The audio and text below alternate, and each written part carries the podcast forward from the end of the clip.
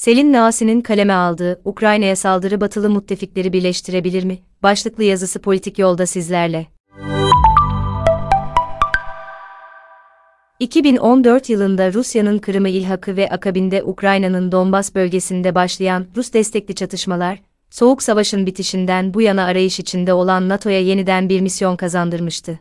Bugün Rusya Ukrayna'da yarım kalan işi tamamlamak üzere işgale hazırlanırken, Kremlin'in karşısında kararlı bir Batı bloku bulunduğu pek söylenemez. Rus tanklarının Ukrayna sınırından geçmesi ise bu durumu değiştirecek bir nevi psikolojik eşik vazifesi görebilir. Kuşkusuz, Soğuk Savaş boyunca Transatlantik İttifakı her konuda hemfikir olmamıştı. Dolayısıyla Avrupalı devletlerin Ukrayna'yı korumak pahasına Rusya'yı karşılarına almanın kar zarar hesabını yapmalarında gariplik yok. Karar alıcıların tercihlerinde her zaman olduğu gibi iç siyasi dinamikler kadar küresel güç dağılımındaki değişim belirleyici rol oynuyor. Ancak yıllar içinde ABD'nin caydırıcı gücü ve küresel liderliğine olan güvenin aşınmış olması, batılı müttefiklerin Amerika Birleşik Devletleri yanında hizalanarak Rusya'nın Donbas bölgesine olası işgaline karşı set oluşturmalarını zorlaştırıyor. Tansiyonun indirilmesine yönelik yürütülen diplomatik temaslar kapsamında Amerika Birleşik Devletleri, Rusya'nın Ukrayna ve NATO konusundaki güvenlik taleplerinin karşılanmasının mümkün olmadığını yazılı olarak Moskova'ya iletti. Sorunun çözümüne ilişkin Rusya'ya diplomatik bir seçenek sunduğu öne sürülen mektupla birlikte hamle sırası artık Rusya'da. Biden yönetimi bir taraftan Kremlin ile diplomatik diyaloğu sürdürürken, Ukrayna'nın savunmasını desteklemek için zaman kazanmaya çalışıyor. Ancak geçtiğimiz haftadan bu yana Amerika Birleşik Devletleri ve Avrupalı müttefiklerden gelen karışık sinyaller, olası işgal durumunda Rusya'ya nasıl karşılık verileceğine dair Batı cephesinde bir kafa karışıklığı olduğuna işaret etmekte. AB'nin iki büyük taşıyıcı kolonu kabul edilen Almanya ve Fransa'nın tutumu, hem birbirleriyle hem de Biden yönetimiyle farklılaşıyor. Doğalgazının %40'ını Rusya'dan karşılayan Almanya'nın Kremlin ile arasını bozmak istememesi normal. Merkel sonrası dönemin ilk koalisyon hükümetinin iktidarını sağlamlaştırıp, tecrübe kazanıncaya dek krizlerden kaçınmaya çalışması da öyle. İşte bu sebeplerden, geçtiğimiz hafta Almanya, Estonya'nın Ukrayna'ya Alman yapımı silah göndermesine karşı çıktı. Tepki çekmek istemeyen İngiltere, Ukrayna'ya göndereceği tank savar füzelerini Alman hava sahası yerine Danimarka üzerinden yollamak durumunda kaldı. Almanya'nın ABD'nin işgal karşısında Rusya'ya yönelik uygulamayı düşündüğü ekonomik yaptırımlara, Kuzey Akım 2 boru hattının askıya alınması, Rus bankaların SWIFT ağından dışlanması gibi da sıcak bakmadığı biliniyor. Nisan ayında başkanlık seçimine gidecek Fransa'nın itirazı ise daha çok diplomatik sürecin niteliğine dair.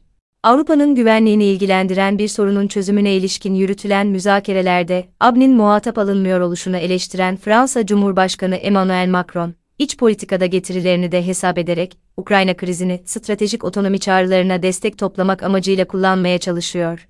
Tüm bu arka planda Amerika Birleşik Devletleri çizgisiyle belki de en uyumlu hareket eden ülke İngiltere ise artık AB üyesi değil ve belki de bu sebeple daha esnek ve cüretkar davranabiliyor. İngiltere'nin bu şahin tavrının da iç politikada parti skandalları sebebiyle sıkışan Başbakan Boris Johnson'un dikkatleri başka yöne çevirme taktiği olarak görenler var. Ukrayna konusunda varlık göstermeye çalışan bir diğer ülke NATO üyesi olan Türkiye. Ankara'nın arabuluculuk girişimlerinin gerek Kırım konusundaki tutumu gerekse Ukrayna ile olan askeri işbirliği sebebiyle Rusya tarafından kabul görmesi beklenmiyordu. Nitekim Kremlin, Ankara'dan gelen taleplere cevaben, Minsk protokolüne uyması yönünde ikna edilmesi gereken tarafın Ukrayna olduğunu söyleyerek topu taca atmış oldu. Öte yandan, Karadeniz ve Baltıklar'da NATO savunmasında aktif rol alan Türkiye'nin Rusya'dan satın aldığı S-400'ler sebebiyle NATO üyeliğinin gölgelenmiş oluşu da Batı ittifakındaki çatlaklardan sızmak konusunda Kremlin'in stratejik başarısını gösteriyor. Müttefikleri eleştirdik ama Başkan Joe Biden'ın Rusya'nın Ukrayna'ya saldırı ihtimalini değerlendiği basın toplantısında, saldırı küçük çapta, minor injurson, tutulduğu takdirde fazla tepki almayacağı şeklinde yorumlanabilecek ifadeler kullanmış olması en hafifinden talihsizlik sayılmalı. Ve elbette sırtını Abdi'ye yaslayan müttefiklerce not edilmiştir. Dünyanın askeri yönden en güçlü ülkesi Abdi'nin, 2013'te Suriye'de meşhur kırmızı çizgilerinin silinmesinden bu yana patlak veren her sorun karşısında askeri güç kullanma taraftarı olmadığını açıkça ifade etmesi, rakiplerini cesaretlendirirken, dostlarını da dengeleri gözetecek şekilde temkinli davranmaya zorluyor. 2019'da Suudi Arabistan'ın petrol kuyularının İran destekli Husiler tarafından hedef alındığı saldırı karşısında da Washington, askeri güçle karşılık vermek yerine Suudi Arabistan'ın savunmasını desteklemeyi tercih etmişti.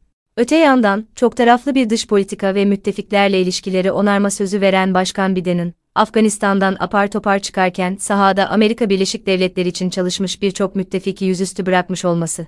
Bu süreci Avrupalı müttefikleriyle eşgüdüm içinde yürütmemesi veya İngiltere ile birlikte Fransa'nın arkasından dolaşıp Avustralya'ya nükleer denizaltı satması, lanse edilenin aksine önce Amerika düsturunun hala devam ettiğini gösteriyor.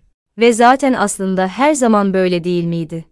Sorun şu ki Abdi'nin dış politika önceliklerinin Pasifik'e kayması, Avrupa'nın Washington'a nezdinde stratejik önemini azaltıyor. Yeni sürüm Soğuk Savaş'ın ilk çatışmasının Avrupa kıtasında patlak vermesi bu bakımdan oldukça ironik. Zira Abdi'nin Ukrayna krizindeki performansı ilerleyen dönemde stratejik açısından daha fazla önem addedilen bölgelerde, örneğin Pasifik'te cereyan edecek çatışmaların prova niteliğinde olacak. Başkan Biden'in müttefikleri yanında tutabilmesi, kararlı bir lider duruşu sergilemesi bu açıdan kritik. Daha şimdiden puslu havadan yararlanmak isteyen Çin'in olimpiyatlar sonrası Tayvan'a saldırma olasılığını işleyen felaket senaryoları dolaşıma girdi bile. Batı ittifakındaki kafa karışıklığının aksine, krizin başından bu yana Çin'in Rusya'nın yanında olduğu görülüyor.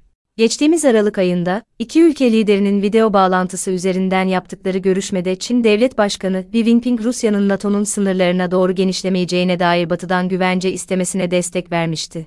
Üstelik uluslararası güçleri, demokrasi ve insan hakları kisvesi altında uluslararası hukuku çiğneyerek Çin ve Rusya'nın iç işlerine karışmakla suçlayan Jinping, sadece NATO değil, AUKUS, Avustralya, İngiltere ve Amerika Birleşik Devletleri ve Quad, Avustralya, Hindistan, Japonya ve Amerika Birleşik Devletleri gibi oluşumlarından duyduğu rahatsızlığı da dile getirmişti.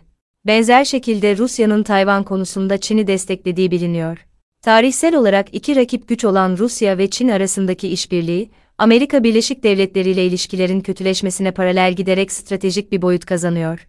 Rusya'nın enerji ve silah sağladığı Çin, ülkenin en büyük ticari partneri konumunu 12 senedir muhafaza ediyor.